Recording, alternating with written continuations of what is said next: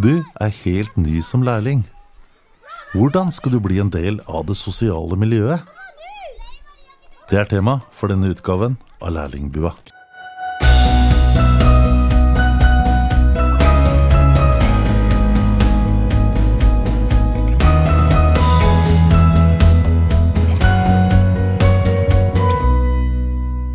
Hei og velkommen til Lærlingbua. I denne episoden skal vi til Ammerud skole. Her møter vi tre ungdommer som har gjennomført sitt første år som lærling i buafaget. Jeg heter Maria Torcham. Hei, mitt navn er Chingis Khan Biltaev. Hei, jeg heter Selina Vatn. I hvert fall her på Ammerud skole så har vi veldig mange som er rundt vår alder, og ikke så mye eldre. Og så har vi også selvfølgelig noen som er litt eldre enn det. Men eh, for meg personlig så var det ikke så vanskelig å bli kjent med de som var litt yngre, da. Fordi når vi hadde sånne møter og sånt med hele teamet, så var det litt lettere å snakke med de som er på vår alder, da, for de forstår liksom hvordan vi er, da. Hvordan var overgangen fra skole til eh, å begynne å jobbe med tanke på å komme inn i det sosiale miljøet? Jeg husker at jeg tenkte litt over det selv egentlig før vi begynte. Men det kommer veldig naturlig av seg selv, fordi alle spiser jo et sted samtidig. Spesielt når man jobber på skole, så har alle assistentene pause samtidig, og da blir det jo flere på ett sted og enklere å snakke med folk. Det handler vel egentlig bare om å klare å sette seg ned sammen med de man tenker at man kan komme godt overens med i pausene. da. Mange er litt sånn nervøse. Hva skal man snakke med folk om i lunsjen, liksom? Har dere noen tips, eller? Hva gjorde du?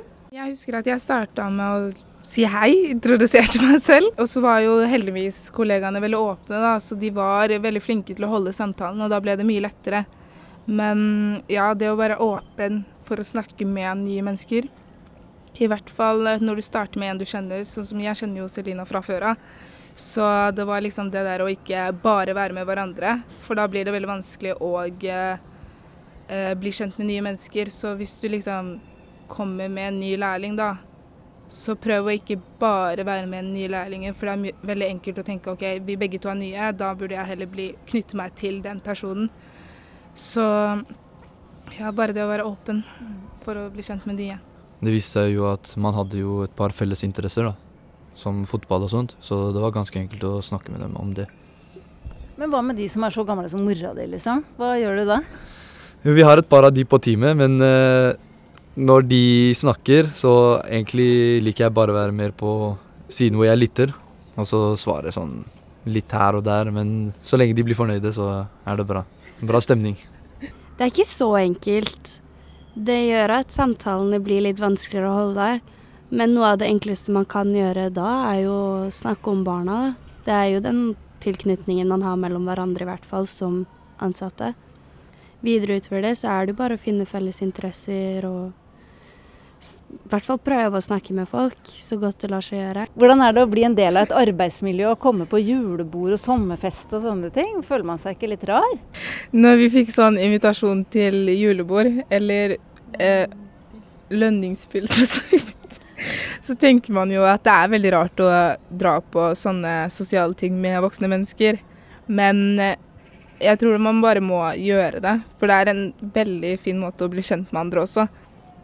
Det er rart i starten, men det er lurt å gjøre det. Det er mange av de du kanskje ikke snakker med på jobben, som er mer åpne utafor jobben. da. Når vi først starta å jobbe her, så ble vi invitert til sommerlunsj, som er rett etter skolen starter. og det syns jeg var veldig kleint, fordi da var det veldig mange. Eh, det var alle som jobba på skolen som var der. Og så står de voksne og holder taler og sånn, og folk gråter og vi sitter her og kjenner ingen. Så vi sitter jo bare og lurer på ok, greit, hvorfor er vi her egentlig, når vi egentlig ikke kjenner de. Men eh, ja, det var bare kleint, men det var ikke noe fælt. Det var det ikke. I klassen så var det veldig mye sånn sosiale arrangementer og sånn når man gikk på skolen, ikke sant? Mens på jobben så er det kanskje mer ansvar for å trives selv, eller hvordan er det? Ja, det er jo et ansvar for å trives selv også, men man tar jo de mulighetene man har, f.eks. når det er frilek ute til å snakke litt med de andre ansatte og knytte bånd og Ja, man får muligheter, og man må egentlig bare ta utnytte av dem.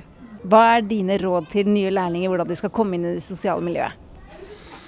Jo, det handler jo om å bare ta initiativ først og fremst. Eh, ikke være flau. Bare møte på mennesker og slå av en samtale. Det løser seg til slutt. Det rådet jeg har, er å prøve å gå litt ut av komfortsonen sin. Det er rådet mitt. Rådet mitt er å ta det egentlig litt som det kommer, og prøve å ikke stresse med det, fordi det kommer når det kommer. Eh, relasjonen kommer uansett etter hvert. Det er bare det å vise elevene at du er der. Og når det kommer til de ansatte, så gjør det egentlig det også av seg selv. Så bare ta det med et smil, og så Ja. Du kommer deg gjennom det.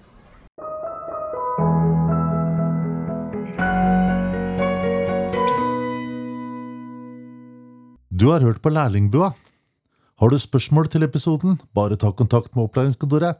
Ansvarlig var Heidi Gabrielsen, og jeg heter Rune Brekk.